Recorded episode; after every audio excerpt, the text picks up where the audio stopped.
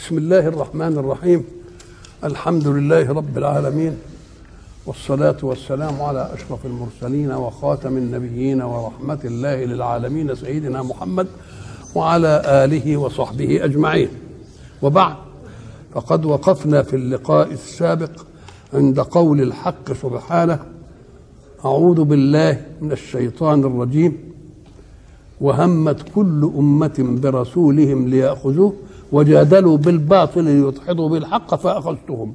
فكيف كان عقاب؟ يعني عرفنا نعاقبهم عاقبناهم طب كذلك إيه بقى؟ وكذلك حقت كلمة اللي وك... يعني أكن في أيام أن حقت كلمة ربك وبعدين وكذلك حقت كلمة ربك. كإيه؟ إيه اللي حصل عشان تجيب لي الثانية دي؟ يقول وكذلك حقت كلمة ربك. يبقى لازم ضروري قبلها حاجة حقت فيها كلمة الله. نقول له حقت وهم همهم وهو إيه؟ وهو اخذ تبقى زي ما حكم على دي وحصل يبقى كذلك حقت كلمة ربك عليهم قديما لأملأن جهنم من الجنة والناس أجمعين. نعم. وكذلك في أمور الله لهم اختيار فيها. أدي العظمة. مش العظمة في إنك تيجي في أمر الاختيار اللي فيه وتقول له هيفعل كذا لا. ده في أمر لك فيه اختيار وأتحداك أن تختاره. إحنا قلنا أيام زمان في قول الحق سبحانه وتعالى أعوذ بالله من الشيطان الرجيم. تبت يدا أبي لهب. مش كده؟ وتب ما أغنى عنه ماله وما كسب. سيصلى نارا ذات لهب سيصلى. يبقى حكم عليه بأنه يموت كافرا. وامرأته حمالة الحطب. في جيدها حبل من مسد حكم عليهم الاثنين. مع أن الإيمان والكفر أمر أكل الله في اختياره للعبد. بدليل إن الناس زي أبو لهب خالد بن الوليد مش أسلم ولا إيه؟ وعمرو بن العاص أسلم ولا لا وإكرمة بن أبي جهل أسلم ولا ما أسلمش؟ الله. طب ما كانش ما كانش يأمن إن يجي أبو لهب كده بعد ما تنزل الآية وبعدين يقول أشهد أن لا إله إلا الله وأن محمد رسول الله فيقول قائل الله طب ده حكم عليه بأنه هيروح النار وهو قال الكلمة اللي بتنجي من النار أهو. يبقى له اختيار فيه وحكم بأنه لا يقولها. هذا تشرحه آية واعلموا أن الله يحول بين المرء وقلبه. واعلموا أن الله يحول بين المرء وقلبه. قلبه يحدثه بشيء إنما العظمة الإلهية تخليه إيه؟ يتحول. لما ربنا قال لأم موسى إذا خفت عليه فألقيه في اليم طب مين أي عقل كده يقول للمرة لما تخاف على الواد ارميه في البحر؟ فسمعت الكلام بدون ما قلبها يتاثر على ابنها. واعلموا أن الله يحول بين المرء وقلبه. ما خدتهاش العطف تقول إزاي ارميه في. إزاي؟ كلام وافر وارد أعلى. لا يعارضه وارد شيطاني أسفل. وخدت الكلام على أنه كلام. طب ادي حتة ثانية فرعون لما قالوا له الكهنة إن ملكك زواله هيكون على يد غلام من بني إسرائيل. بس عشان شوفوا اللي ادعوا الالوهيه عقلهم إيه شكله. طب لما قالوا لك إن زوال ملكك زوال الملك هيبقى على يد غلام. يبقى لما تقتل غلمان الدنيا مش هيكون مدخل لك غلام يجي يقتلك. ما قالوا هيكون زوالك على إيد غلام. يبقى اذا تقتيلك ده ما فيش له ما فيش فيه فايدة. الله. طب مش كده بس. وبعد ذلك أنت بتدور على الاولاد عشان تقتلهم. وتدخل البيوت وتدور. جالك ولد لحدك. والولد في مهد ومش عارف إيه وبتاع وحاجات زي دي. تقوم تاخده أنت والست بتاعتك ها؟ وبعدين تقول قرة عين لي ولك. شوف بقى الدخول على الراجل ها؟ مع إنها هي أصلها مؤمنة مش موافقة على حكاية القتل دي. فما صدق إن يجي لها واحد ويبقى لها رأي قالت له لا قرته عين لي ولا قال نربيه بقى مش عارف إيه. وهو اللي يربي اللي هيقتله. بقى أنت عمال بتدور على العيال اللي تقتلها ويجي لك واحد لحدك تقوم تنجيه وتربيه أنت. طب تنجيه تقول له روح لحالك. إنما أنت اللي تربيه. واعلموا أن الله يحول بين المرء وقلبه. نعم.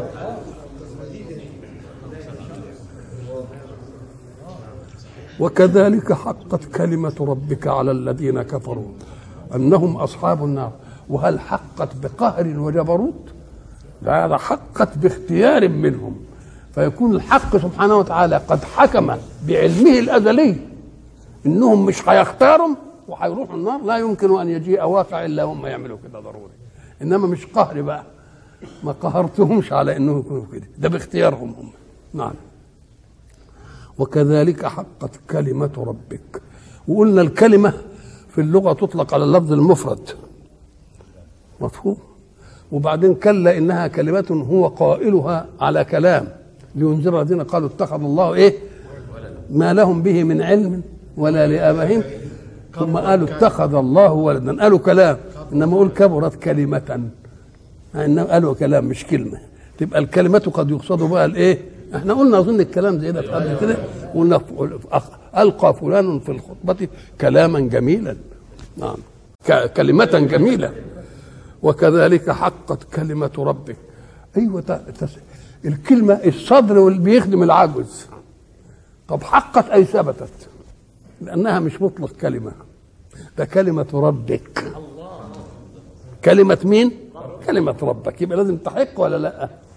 ما كان الله ليقول كلمة ثم يأتي واقع الأحداث ليكذبها فلم تحدث. يقول لك ما دام حقت تبقى ثبتت. ثبتت ليه؟ لأنها إيه؟ كلمة الرب.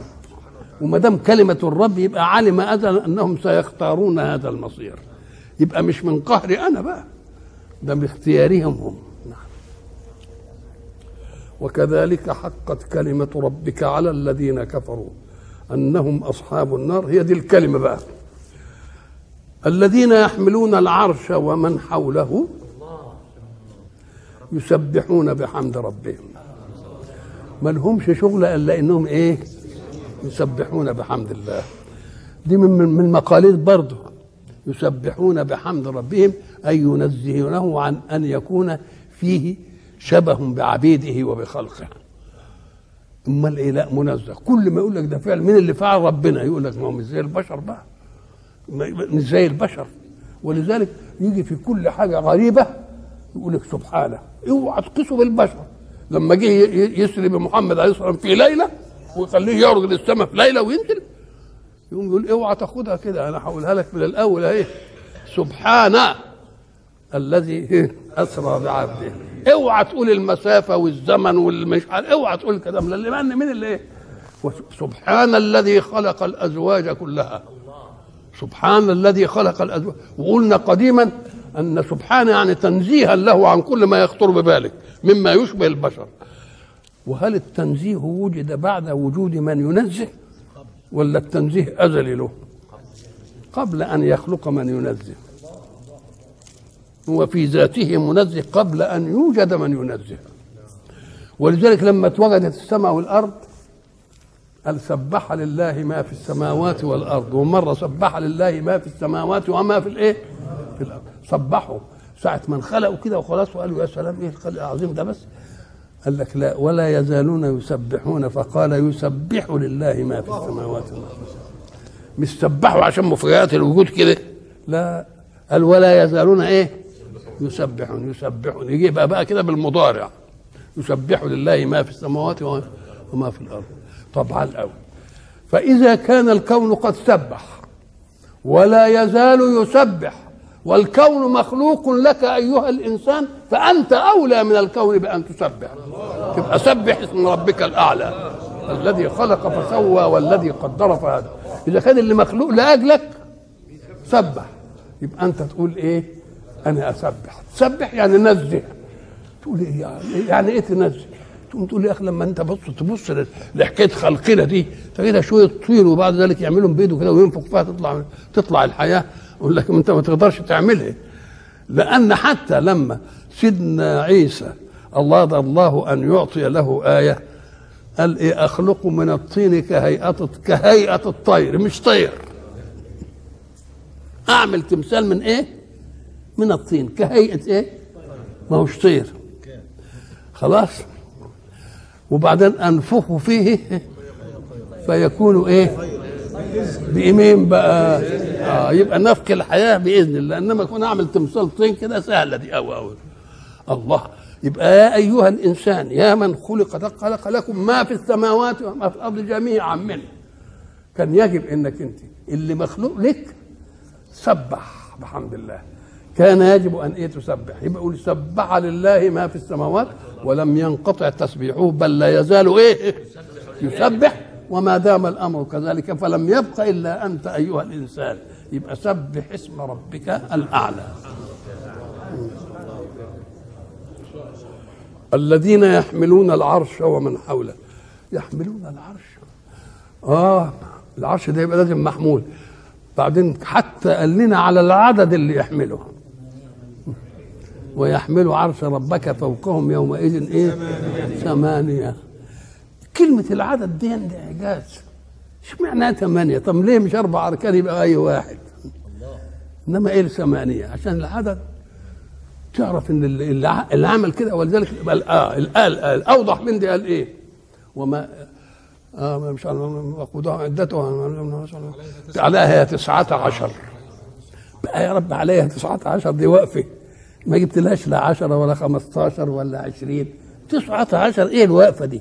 ده دليل على إن الوقفة دي ربنا قال لك أنا عاملها كده 19 عاملها فتنة. وما جعلنا عدتهم إلا فتنة للذين كفروا. عشان مش معنى أنا 16 طب ما خليهمش 20 ليه؟ طب آه. أنت اسمع هو عمل إيه؟ قال إيه؟ ولذلك الإيمان إنك أنت ما تناقشش المسألة. شوف حصلت ولا ما حصلتش. بس. سيدنا أبو بكر الصديق لما قالوا له ده صاحبك بيدعي أنه إيه؟ رسول. ألا وقالها؟ قال قد صدق. ما نظرش إلى المسألة وصعوبتها وإزاي ومش إزاي ما برد. إنما قالها ولا ما قالهاش.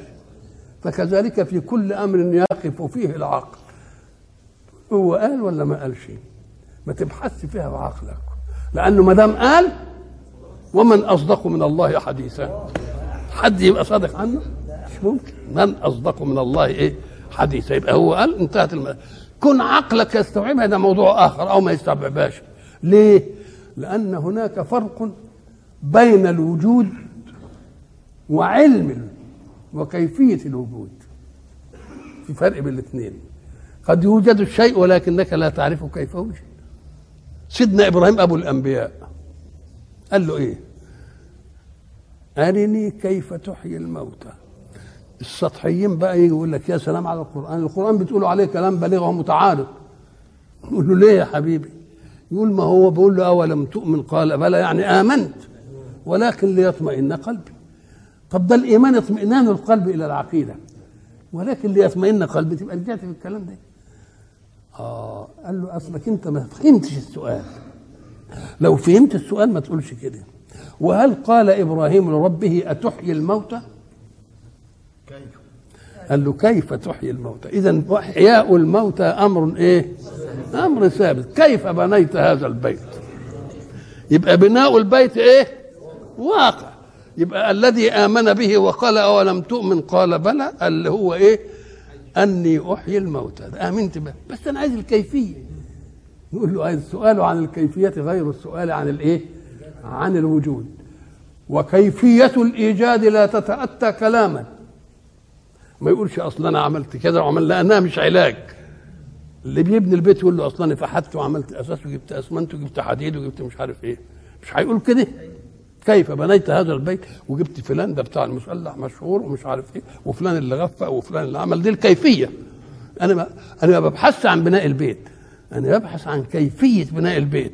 نقدر نقول له أنا عملت كذا وعملت كذا وعملت كذا وأدي له الكيفية. بدليل لو خد بيطبقه يلاقي الكلام صح. ولو شاهد من يطبقه مثل هذا يلاقي الكلام الصح. طب لما يقولوا بيحيي الموتى يبين له الكيفية إزاي بقى بالكلام. قال له دي ما تنفعش كلام. ده لابد من عملية بالفعل. وعملية أنت اللي تعملها. مش أنا خدوا بالكم إن في حاجة تصنع لواحد شيئا لا يقدر على صنعه. يبقى أنت عديت له قدرتك ما تقدرش تشيل الترابيزة دي ها؟ نشيلها لك يا سيدي إحنا نقول له أنت ما تقدرش تشيلها. أنا لما عاوز أنت تشيلها تشيلها مش هشيلها لك أنا. ده العظمة بقى إن أنا لو عوزت أنت تشيلها تشيلها. مش أنا اللي أجي أشيلها. فاذا جاب التجربة في نفسه. قال له هات أربعة من الطير وصرهن يضمهم ويعرفهم كويس ويعرف أوصافهم. عشان ما تبقاش يقول ده إحنا جبنا طير تاني. وبعدين بقى إيه؟ اذبح فيهم. واجعل على كل جبل منهن إيه؟ جزءا. ومش أنا اللي هقول لهم يلا يا طير اطلع أنت اللي تقول لهم ثم ادعوهن أنت. يأتينك سيئا يبقى إذا كنت أنا أقدرت ما لا يقدر على القدرة يبقى أنا ما أقدرش. هذه العظمه ما شاء الله يا مولانا ما شاء الله. الذين يحملون العرش ومن حوله. العرش ده هو سمة استتباب الملك. ولذلك لما حب الهدهد يتكلم عن عن سبأ قال إيه ولها عرش إيه؟ أكن العرش ده ما قالهاش الملك إيه؟ اوتيت من كل شيء ما جابش اللي على الإجمال. ولها عرش إيه؟ عظيم. يبقى أكن العرش دي سمة إيه؟ سمة استتباب الملك. لأن الملك ما يقعدش على العرش بقى إلا لما تدين له المسائل إنما يقول ده الحتة المشاغبة مش ما استقرش على العرش. يبقى متى يستقر الملك على عرشه؟ استتب له الأمر. ويبقى العرش ده سمة السيطرة على الحكم والاستيلاء عليه. مش بقى ضروري يقعد على العرش ومش ضروري يقعد. ولذلك الذين يحملون العرش فمن ربنا قاعد على العرش. يقول لك العرش على استوى يعني استولى. ما دام عمل العرش للملك يبقى إيه؟ ولذلك هناك لما يقول إيه؟ قل إنكم لتكفرون بالذي إيه؟ خلق الأرض في يومين وتجعلون له أندادا ذلك رب العالمين. إيه؟ وجعل فيها رواسي من فوقها وبارك فيها وقدر فيها أقواتها في أربعة أيام أي في تتمة أربعة أيام. ثم استوى إلى السماء وهي دخان. فقال لها وللأرض ائتيها طوعا. إيه؟ قالتا اتينا طائعين فقضاهن سبع سماوات وأوحى في كل سماء امرها لما خلق بعد كده ثم استوى على العرش. يبقى بعد إتمام كل حاجة استوى على العرش يعني معناها إيه؟ تمت أمور الملك له. يبقى العرش رمز على تمام الإيه؟ على تمام الملك ولذلك هقول لك الذين يحملون العرش اللي هم الثمانيه دول وبعدين في ملائكة تانية هيطوفوا بال يطوفوا بالعرش. الذين يحملون العرش إيه؟ ومن حوله. يبقى فيه حامل وفيه إيه؟ يسبحون اسمهم الكروبيون. الكروبيون دول اللي ما لهمش شغل ولا الكون دبلهم. ما لهمش شغل إلا إنهم يسبحوا بحمد الله. بس يسبحون بحمد الله. طبعا الأول. ما بيشوفوش. شافوه جالس كده على العرش؟ ما شافوش. ولذلك رحم الله علماءنا السابقين. حينما يشهد واحد لواحد مع أن بينهم خصومة في الرأي. يجي الفخر الرازي لما يتعرض للآية دي. الكشاف سبق وتكلم. يقوم الكشاف لما جه عند قوله الذين يحملون العرش ومن حوله يسبحون بحمد ربهم. أدي واحدة. ويؤمنون به. لا. يؤمنون به. لا. ده المشهديات ما فيهاش إيمان. الشيء المشهود؟ لا يقال فيه إيمان. فلو أنهم شاهدوا الله قاعد على العرش كده ومش عارف ما يقولش ويؤمنون به. قال الفخر الرازي ولو لم يكن للإمام صاحب الكشاف إلا هذه لكفته طيلة حياته. قال لأنه بيقول كده يعني ما تفتكروش بقى إنه هيشوفوه قاعد ويشوفوه مش عارف إيه ويحب ينزل وما يشوفوش الكلام ده. برضه لا يزال إيه؟ غيبا بالنسبة لهم ولذلك قال يسبحون ويؤمنون. والإيمان لا يكون إلا بأمر إيه؟ ولذلك إيه الذين يؤمنون بالغيب؟ بالغيب. لأن الإيمان بالمشهد ده زي ما إحنا قلنا لما واحد يقول أنا آمنت بإن الشعراوي قاعد وياه أحبابه قاعد بيتكلم دي تنفع فيها إيمان دي؟ طب ده هو المشهد اللي إحنا شايفينه كده. يبقى المشهد لابد أن يكون الإيمان لازم يكون بإيه؟ بأمر غيبي. ولذلك ضربنا مثل زمان. وقلنا أنا بخاف من اللصوص فجيت في الفلوس بتاعتي في الجنينة ورحت شايل حجر كده وحاططها في تضليل يعني. وبعدين جاء اول الشهر وحبان ان ندفع المرتبات تعالى ولا شيل الحجر اللي هناك ده يقوم يقول لي ما أقدرش اشيله ده تقيل عليا اما يبقى حد يساعدني. يقول له يا تشيله ده تحته الكيس اللي هديك منه المرتب. يروح يشيله ولا ما يشيلوش؟ يبقى المهم إطاعة الأمر بغيب ما فيه. إنما إطاعة الأمر علشان عدله ما تنفعش دي. ولذلك كل الذين يؤمنون بالإيه؟ بالغيب بالغيب بالغيب. نعم. الذين يحملون العرش ومن حوله يسبحون بحمد ربهم يسبحون تسبيحا مقرونا بالحمد لأن التسبيح سناء التسبيح ولكن الحمد لشكر على نعمة قدمت ومن أجل النعم أنه لا يشبهه شيء لأن لو يشبهه شيء كان يبقى فيه تعارض لذهب كل إله بما إيه ولا على بعضهم على إيه؟ على بعض. يسبحون بحمد ربهم ويؤمنون بها. أدي يؤمنون به بتاعتهم بقى إيه ويستغفرون للذين آمنوا. الله يستغفرون للذين آمنوا. يقولوا ربنا وسعت كل شيء رحمة وعلما. فاغفر للذين تابوا واتبعوا سبيلك. الله. بقى عمالين مشهورين بربنا وبعدين يفتكروا الخلق اللي آمن.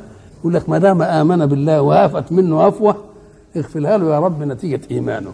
لأن مع لا إله إلا الله ما يصحش أن يكون في حاجة من مع أنهم قالوا لا إله إلا الله. فكأن الله في هذه الآية يسلي رسول الله. عن إن كفار قريش لما يقفوا منك هذا الموقف الملائكة اللي بيح... اللي حاملين العرش وبيسبحوا بحمد الله واللي حولهم اللي بيطوفوا بالاثنين ده بيذكروا أمتك ويعملوا إيه؟ يقولوا لربنا بيحننوا ربنا عليهم. يبقى ده كفاية لك ولا مش كفاية؟ الذين يحملون العرش ومن حوله. يسبحون بحمد ربهم ويؤمنون به ويستغفرون للذين آمنوا. يبقى هات مع الإيمان لا يضر مع الإيمان إيه؟ معصية. يقول لك خلطوا عملا صالحا وآخر إيه؟ وخر ولذلك هناك الآيات لا لا يغفر أن يشرك به ويغفر ما دون ذلك لإيه؟ لمن يشاء.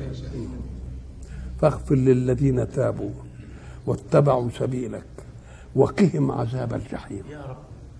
شوف هم بيدوا هم فين. ربنا وأدخلهم جنات عدن. يبقى وقهم عذاب الجحيم يعني إيه؟ تخلية من المؤلم. وبعدين تحلية بالنعمة.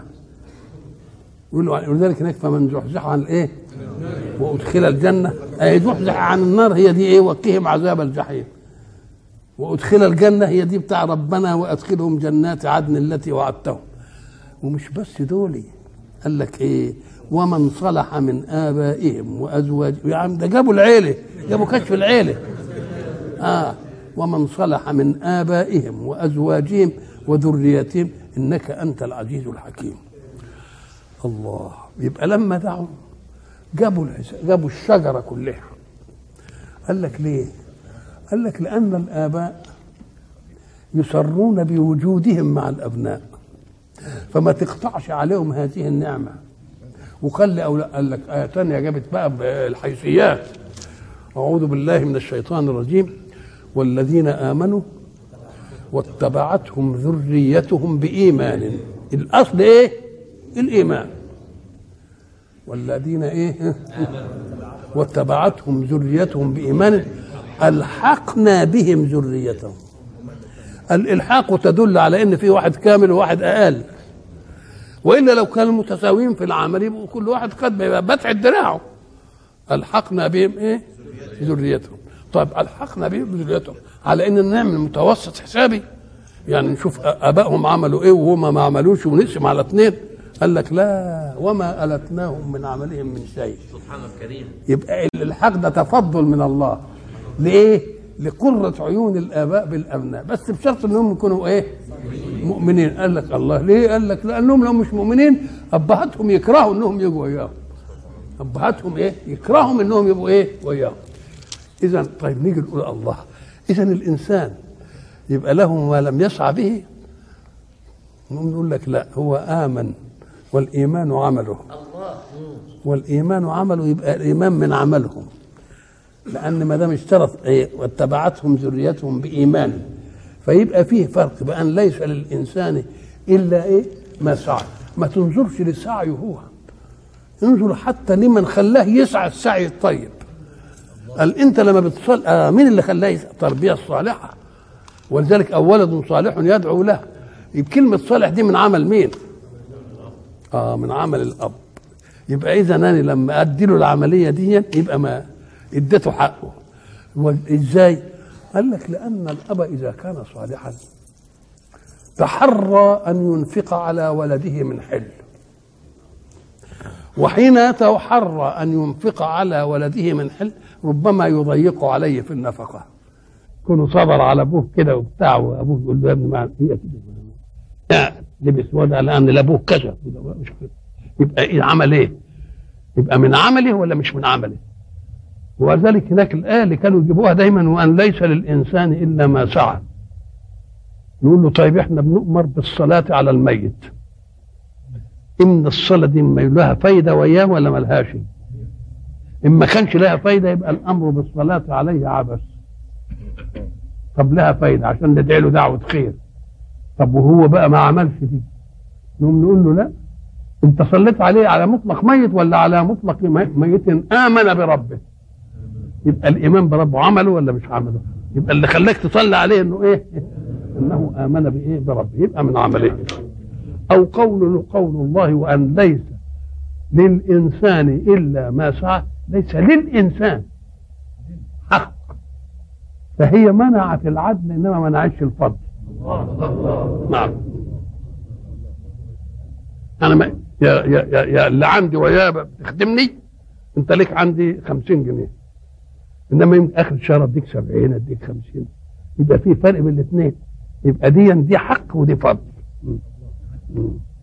وأن ليس للإنسان أي حق. إنما ما نعيش أن يتفضل بالزيادة هو بقى فضل ربنا وأدخلهم جنات عدن التي وعدتهم ومن صلح من آبائهم وأزواجهم وذرياتهم إنك أنت العزيز الحكيم. طب وارضى دي إنك أنت العزيز الحكيم ليه؟ قال لك ما هي دي زي حكاية سيدنا عيسى.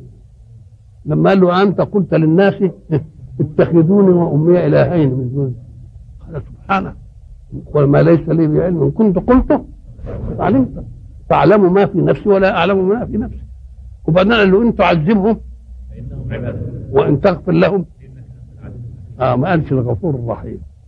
كلمة تغفر لهم كانت تعود إيه؟ الغفور الرحيم. ما جابش دي. قال لك لأنه هو قال إنك أنت هم يستحقوا. خلاص يستحقوا إيه؟ العذاب. إنما لو غفرت لهم ما فيش حد يجرؤ يقول له أنت عملت دي ليه ومع إنهم ما يستحقهاش؟ لأنه لا معقب على حكمه. فعزتك على تخليك تعمل اللي تعمله. إنما أمه يبقى شوف نفسه إزاي. هم يستحقوا إنه يعاقب إنما أنت لما تعفو عنهم جاية من ناحية إيه؟ مش إن غفور رحيم إنك عزيز ما حدش هيقدر يقول لك أنت عملت دي ليه. كأن لو تركت المسيح هنقول إزاي ربنا تعمل العملية دي؟ هم أولاد يستحقوا لكذا وكذا وكذا وكذا. لكن لأنك عزيز لا تغلب ولا حد يقدر يتن عليك كلمة. نفدي نفدنا من دي. ولذلك قلنا زمان إبليس ما كانش نصح إلا في حاجة واحدة. قال بعزتك لأغوينهم أجمعين. بعزتك عن خلقك. من شاء فليؤمن ومن شاء فليؤمن إنما لو أنت عايزهم ما أقدرش اغويهم بدليل انه استثنى. إلا عبادك منهم المخلصين دول ما أقدرش عليهم. يبقى المسألة بقى مش بين ربنا وإبليس ده بين إبليس وبني آدم. الذين يحملون العرش ومن حوله يسبحون بحمد ربهم ويؤمنون به ويستغفرون للذين آمنوا. ربنا وسعت كل شيء. عادة الدعاء. كل ربنا ربنا ربنا ربنا ربنا. كل دعاء بربنا. وكل دعاء بربنا محذوف الياء. ما جاتش ياء النداء ابدا. لأن النداء بتجيب واحد بعيد عنك شوية. إن كان قريب شوية تقول له أ محمد. إن كان بعيد نص نص تقول له يا محمد. إن كان بعيد قوي تقول له يا يا يا محمد. كل ما يكون بعيد تعمل إيه؟ تزود حرف النداء إنما ربنا مش بعيد عنك. مش عايز ولا آ ولا يا ولا آي خلاص؟ ولذلك راح لاحم نفسه بيه على طول. ربنا على طول. ما تستقرئها في القرآن ما وجدش فيها أبدا.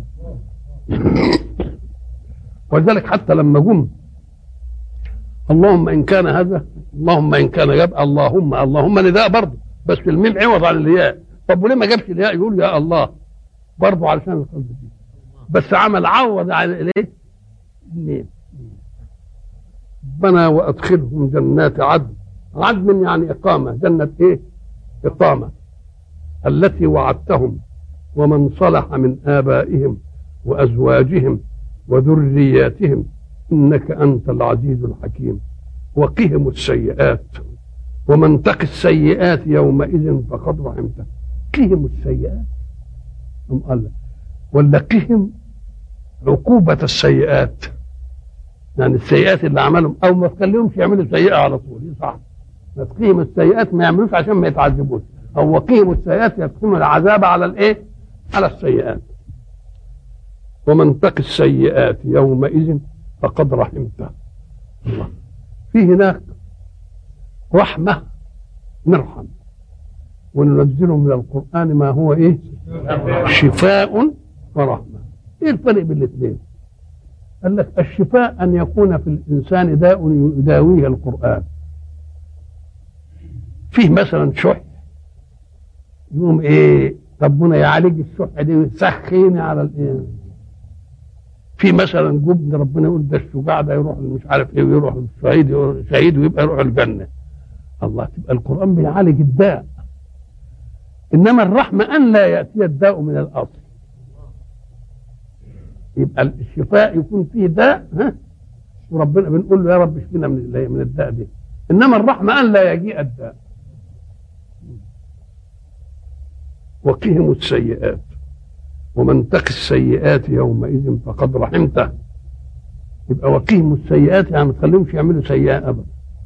وما دام ما يعملوش سيئة ابدا يبقى ما جاش داء. يبقى دي رحمة ولا مش رحمة؟ يبقى رحمة. وذلك هو الفوز العظيم.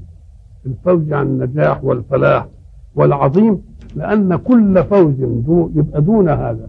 فوز في الدنيا بمنصب فوز بجاه فوز بمال فوز برزق فوز ببنين فوز بحاجة دون هذا الفوز العظيم لأن فوز الدنيا مآله إلى أن ينتهي. نعم.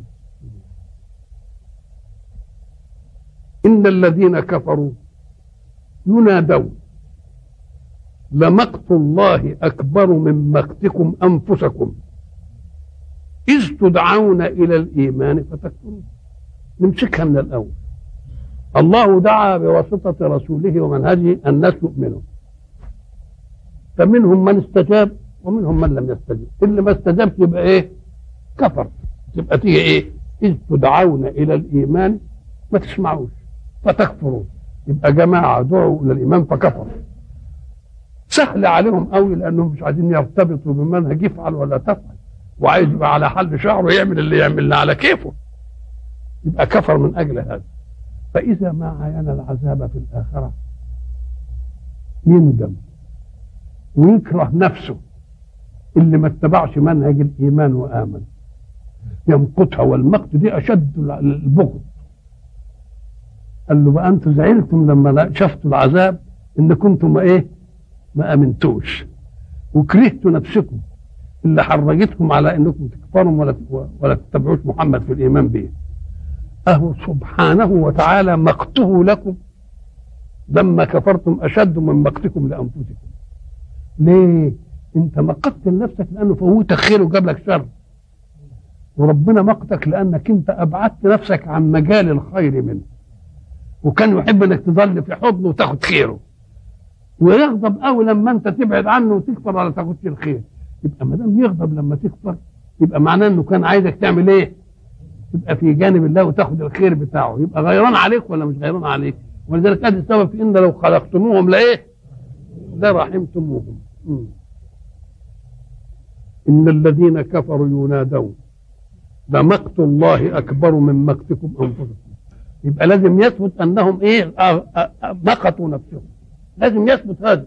وبعدين أنتم أنتم زعلانين قوي على نفسكم اللي اللي أوردتكم هذه النهاية. أهو ربنا سبحانه وتعالى ساعة ما عملته كان أشد غضبا لكم. أشد من مكتوب معاك وأشد غضب ليه؟ قال لك لأنه هو عايز يدي خير. عايز ينعم عبيده. فلما عبيده يبتعدوا مكتهم يقول يا بيت ليه؟ أنا الخير ده أنا نفسي إيه؟, إيه؟ نفسي تنعموا بخيري. يبقى إله منعم يحبه إيه؟ من يبادر إلى أخذ الخير إيه؟ إلى أهل الخير منه. إن الذين كفروا ينادون لمقت الله أكبر من مقتكم أنفسكم إذ تدعون إلى الإيمان فتكفرون. قالوا ربنا أمتنا شوف كلمة ربنا ربنا ما عارفين إنه ربنا. إيه إيه اللي جاب لكم الخيبة دي ولا تأمنوش بالربوبية؟ ليه؟ ربنا أمتنا اثنتين وأحييتنا اثنتين فاعترفنا بذنوبنا فهل إلى خروج من سبيل الخروج من المأزق اللي إحنا فيه له سبيل له طريقة؟ قال أنا عرفتم لو ردوا لعادوا لما نهوا عنه. كلا هي كلمة بيقولوها بس إنما برضه لما يردوا هيردوا بطباع الشر فيهم وبرضه هيكفروا إيه؟ يبقى تجربة ما, ما, يصح تتكرر. طب أمتنا اثنتين وأحييتنا اثنتين. في بقى خاضع لتعريف الموت. ما هو الموت؟ الموت هو إذهاب الحياة بعد أن تكون موجودة. يبقى ما دام في موت يبقى كان فيه إيه, إيه؟ حياة. ولا الموت هو عدم الحياة مطلقا؟ يبقى عدم الحياة مطلقا. ولذلك إيه كيف تكفر كيف تكفرون بالله؟ ساعة ربنا يقول لهم كيف تكفرون بالله؟ دليل على أن الكفر ده عجيب أوي. قولوا لنا إزاي كفرت بالله؟ إزاي تيجي دي, دي تيجي إزاي؟ كيف تكفرون بالله؟ إزاي؟ قول لي عليها دي. وكنتم إيه امواتا إيه؟ فاحياكم ثم يميتكم؟ يبقى هنا برضه اثنين ولا مش اثنين؟ أحياكم. نقول له اذا الموت الخلاف فيه. هل يكون بعد حياة أم يكفي أن لا يكون أن يكون عدم تأتي بعدها الحياة؟ يبقى الموت هو العدم المطلق. سواء كان قبله الحياة أو لم تكن قبله الحياة. إزاي بقى؟ قال لك إحنا مثلا بنشوف البعوضة. صغيرة قد كده. مش كده؟ والفيل كبير قد كده. لما قالوا سبحان من صغر البعوضة وكبر الفيل. أكانت البعوضة كبيرة ثم صغرها الله؟ ولا خلقت هكذا؟ آه آه يبقى اذا الموت مش ضروري يسبقه عمل. يبقى يكفي أنه لم تكن فيها حياة. وبعد ذلك أحيانا. وبعد ذلك نأخذ حظنا من الاجل ونموت. يبقى حصل إيه؟ الموت الأول اللي كان عن عدم والموت الثاني اللي كان عن حياة. فجبنا شقين الموت. يبقى الموت له تعريفين. التعريف الأول عدم محض وإن لم تسبقه حياة. التعريف الثاني عدم بعد أن تسبق الإيه؟ يبقى الاثنين جم ولا ما جوش؟ يبقى خد الاثنين في مشوار واحد. أمتنا اثنتين وأحييتنا اثنتين فاعترفنا بذنوبنا. فهل إلى خروج من سبيل؟ هو الاعتراف بس ولا جزاء الاعتراف؟ أنتوا خدتوا جزاء الاعتراف. إلى خروج من العذاب يعني فهل إلى خروج من العذاب سبيل؟ في ناس تانيين قال لك لا الموت مش دايما أنتوا بتقولوا كده. الموتة الأولى الإحياء الأول اللي من عدم. وبعدين مات وحملناه في النعش ودفناه. ولكن يحيا في القبر ويسأل وبعدين يموت في الأرض. وبعدين يحيا في البعث. يحيا إيه؟ يحيا في البعث. نقول له لا والأول أليق قالوا ربنا أمتنا اثنتين وأحييتنا اثنتين فاعترفنا بذنوبنا فهل إلى خروج من سبيل؟ خد بالك بقى أنهم تكلموا عن الحياة المادية. كنتم أمواتا يعني عدما. وبعدين عملنا فيكم إيه؟ أحييناكم. وبعدين أمتناكم بالأجل وبعدين نحييكم للبعض كل ده للقالب. إنما للمعنويات ما جابتش سيرتها لأن هناك في القرآن يقول إيه؟ استجيبوا لله وللرسول إذا دعاكم لما يحييكم. هو بيخاطبهم. وما دام بيخاطبهم يبقوا أحياء ولا لا؟ فكيف يقول استجيبوا لله وللرسول إذا دعاكم لما يحييكم؟ يعني إن لم تستجيبوا هتبقوا مش أحياء. آه أم قال لك لأن المسألة مش حياة القالب. المد ده والنفخ في الروح ويتحرك. إحنا عايزين الحياة التي لا يأتي بعدها موت. فاستجيبوا لله وللرسول إذا دعاكم إلى ما يحييكم. حياة؟ لا يأتي بعدها موت. وذلك إنما تكون حياتكم في الجنة. يبقى إذا في حياتين اثنين حياة للمادة فتتحرك الأجهزة وتنشط وتمشي وتأكل وتشرب كل ده حياة. وفي حياة أخرى. والاثنين فيهم روح. بالعظمة. فنفخت فيه من روحنا. يعني يحيا بالنفخ في الروح خلاص؟ طيب. وهات بقى الحياة الثانية اللي هتوديني إلى مكان لا يوجد فيه موت. لذلك لما هيدخلوا بقى الجنة يقول لك إيه؟ نعيم بلا فوت وحياة بلا موت. نعيم بلا فوت وحياة بلا موت. يبقى إذا الحياة الثانية دي عايزة روح روح. الحياة المادية عايزة تروح فبقى قام واتحرك وكل وشرب وعمل كل حاجة. الحياة الثانية اللي ما فيهاش بعدها هيجي موت بقى لازم لها روح ثانية الروح العلوية بقى اللي هتيجي عشان منهجك في الحياة. افعل كذا ولا تفعل كذا. وكذا ولذلك يسميها الله روحا. أوحينا إليك روحا من أمرنا. وسمى من يحملها روح. نزل به الروح الأمين. الله. يبقى إذا في حياتين. حياة للمادة وحياة للقيم والمعنويات. حياة المادة موقوتة بالزمن بتاع الأجل. إنما الحياة الثانية حياة خالدة لا يتأتى فيها إيه؟ ولذلك إحنا قلنا قبل كده أن الشهيد الذي جاد بحياته عشان يبقى شهيد يقول ربنا جزاؤه أنك قدمت نفسك لتنهي حياتك أن أعصمك من الموت. وإلى لقاء آخر.